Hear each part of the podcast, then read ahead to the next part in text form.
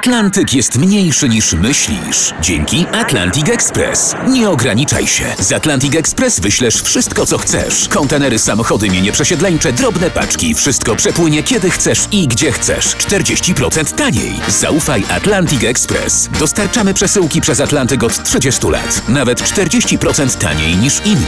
Dzwoń 1 800 775 73 63. Ekspresowo przez Atlantyk. Tylko z Atlantic Express.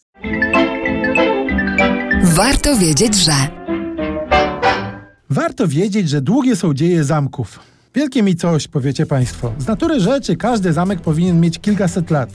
Ale są różne zamki. Nie tylko te obronne, ale też takie, które były nieodłącznym elementem broni palnej. Pierwsze tego rodzaju urządzenia, dające zapłon prochu w broni, to były zamki lądowe. Proste, tlący się ląd powodował wystrzał. W XVI wieku Leonardo da Vinci skonstruował zamek kołowy. Było tam obracające się po naciśnięciu spustu karbowane kółko na sprężynę, które wprawiane w ruch dawało iskrę, ta podpalała proch i padał strzał.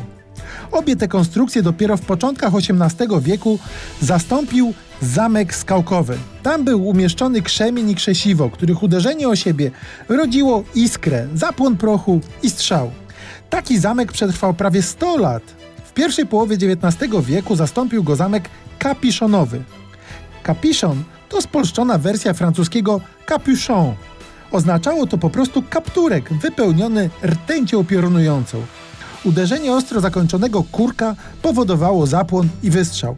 Zamki kapiszonowe na dobre, czy raczej na złe, zapanowały w Europie w XIX wieku. Powoli je doskonalono i zastąpiono w końcu iglicą. Ta stała się podstawą dwudziestowiecznych zamków broni palnej. Ha, ileż to ludzie musieli się natrudzić, aby się skuteczniej pozabijać.